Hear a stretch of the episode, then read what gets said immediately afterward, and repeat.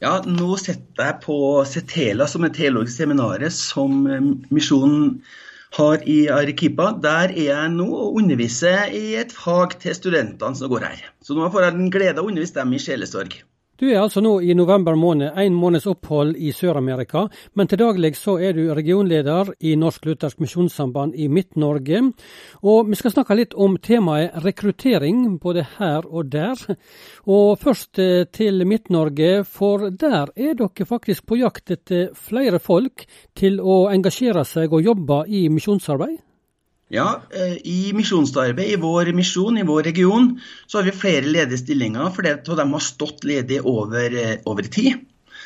Og Da er jo, kan jeg bli mismodig og tenke nei, det her nyttes ikke, det her er umulig. Eller kan jeg tenke at ok, her er det muligheter. Og så har jo, Gud sier jo i sitt ord i Matteus at høsten er stor, men arbeiderne få, at må be høstens herre sende arbeidere ut. Og Da tenker jeg sånn at vi, Han kaller oss til bønn, og så kaller han oss til å være talentspeidere. At vi bruker øynene og hørsel og alle inntrykk vi har, og alle våre kontakter, så speider vi etter folk. Og Det driver vi med i Trøndelag nå.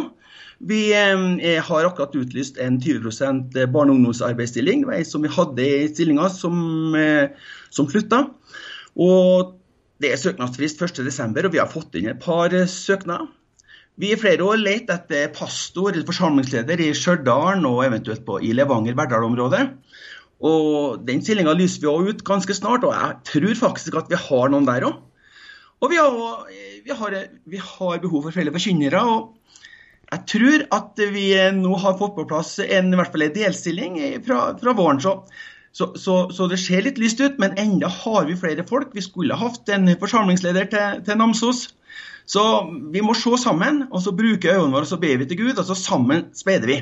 Da tror jeg vi finner folk. Du, Akkurat nå for tida så underviser du altså på dette teologiske seminaret eh, der Misjonssambandet er engasjert eh, i, i Sør-Amerika.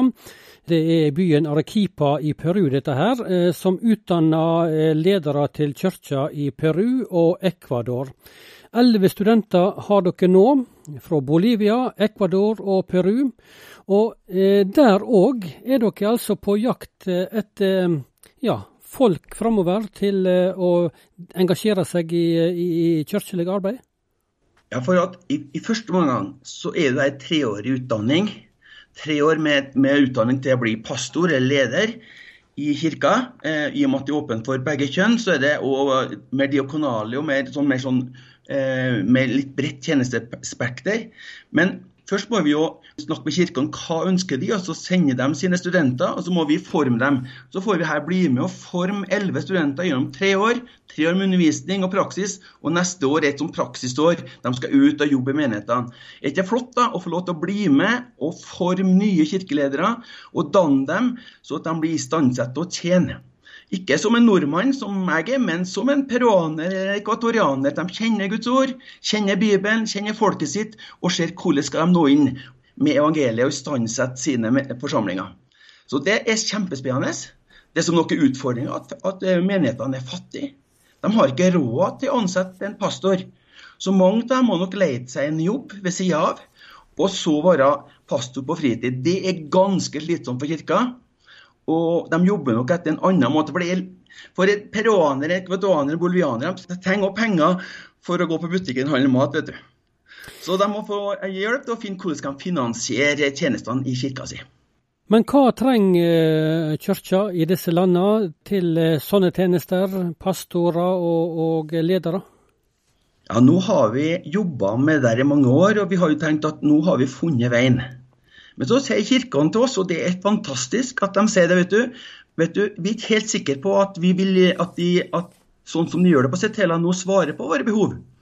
Så Derfor så har nå Misjon invitert ledere fra kirka i Peru og i Bolivia til å være med i en komité der vi sitter og jobber med hva er det kirka trenger og ønsker av Setela. Hvilken type pastorer, hvilken type tjenester ønsker de at Setela istandsetter folk til. Og Det er kjempeinteressant at vi kan få bli med der og sammen finne det. For det er jo kirkene som vet hva de trenger, ikke vi som kommer fra Norge. Men vi kan bli med sammen med dem Behovet for folk både her og der. Hvordan oppleves det å, å, stå i en sånn tjeneste, både i Norge og i utlandet, der du er med og utdanner folk nå som du er i Peru, du er på jakt etter nye medarbeidere i Norge. Hvordan er det å være med i en, i en sånn tjeneste? Det er veldig inspirerende, veldig givende. Det er selvsagt når du skifter, reiser fra Norge til Peru, så skifter du døgnrytmen, og kroppen blir litt, sånn, litt sprø. Men det er fantastisk, syns jeg, å få lov til å bli med i Guds rike sak og tjene Han på den plassen som Han har kalt meg til å være. For kall er ikke en byrde, men glede. Altså at Gud sier han kan bruke meg. Og han kan bruke oss.